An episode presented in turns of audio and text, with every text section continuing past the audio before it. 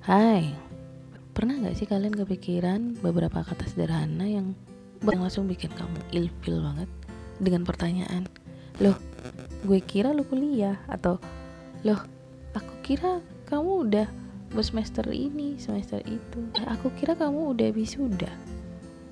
Setelah bertahun-tahun gak ketemu. What Rasanya itu kayak itu kalimat sederhana waktu ketemuan sama teman lama ya teman SD SMP yang langsung bikin insecure nggak sih? Itu orang-orang kayak gitu itu bikin jengkel tau nggak? Kalimatnya itu sederhana tapi kayak langsung terngiang-ngiang gitu di kehidupan kalian gitu. Lo kamu kuliah di mana? Loh kok belum lulus? Loh kok nggak jadi kuliah? Loh kok nggak gini? Loh kok nggak gitu? Kayak enak banget ya ngurusin hidup orang. Kayak hidup dia sendiri itu udah bener aja. Terus malah misalnya nih kamu ditanya kamu udah kuliah?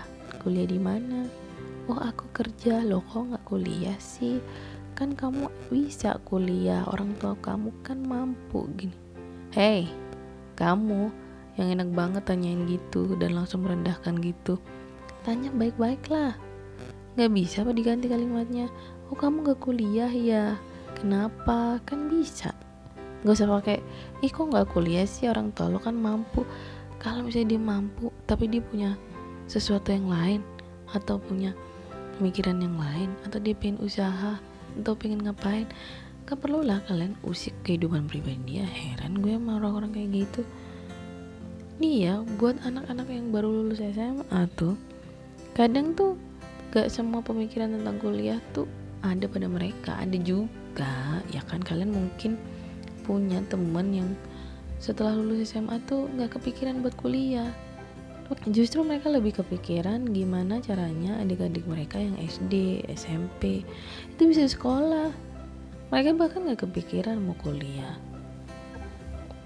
Walaupun kalian pernah ditanya gitu jadi jangan kalian balas ke teman yang lain juga bertanya hal kayak gitu ya boleh kalian tanya kayak gitu tapi dengan cara yang halus lah. Terus minta maaf kalau menyakiti dia. Jangan dibiasain lah kalian tuh tanya terus sambil merendahkan lagi kayak begitu. Jadi itu pernah kejadian. Kita reuni SD nah salah satu di antara kita tuh ada yang gak pernah kuliah. Jadi setelah lulus SMA tuh dia langsung kerja menggantikan orang tuanya yang sedang sakit Nah, di luar ekspektasi kita, warung yang sebenarnya dijalankan orang tuanya itu malah buka tiga cabang sejak dipegang oleh dia.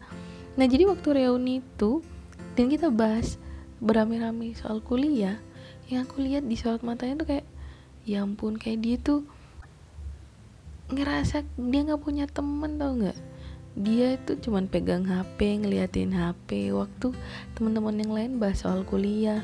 Dan itu astaga kayak aku ngerasa bersalah dan bilang ke batin aku sendiri kayak astaga aku nyakitin orang lagi ya ya.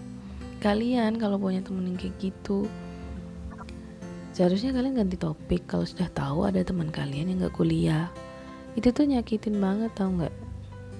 Gimana kalau posisi dia tuh posisi kamu dia dia sudah sukses dengan caranya sendiri. Kita sukses dengan caranya kita sendiri. Misal dia nggak berhasil buat belajar menimba ilmu lagi di bangku kuliah. Tapi kalian bisa.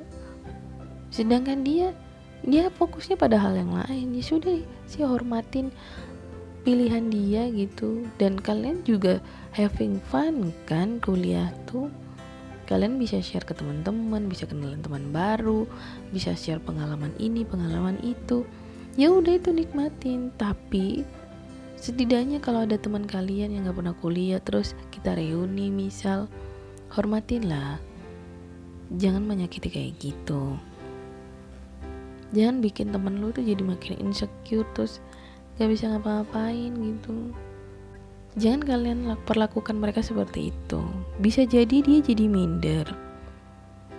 Kita nggak tahu apa yang menyebabkan dia nggak nggak sekuliah. Ada juga tuh teman aku yang padahal orang tuanya memang kaya, bahkan mobil tuh berjejer.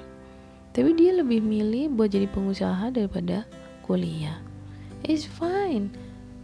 itu pilihan dia dan gak perlu kalian hakimi dengan bilang ih sayang banget ya kamu punya duit atau nggak kuliah. Oh atau kalau ih sayang banget kamu pinter kenapa nggak cari beasiswa buat kuliah?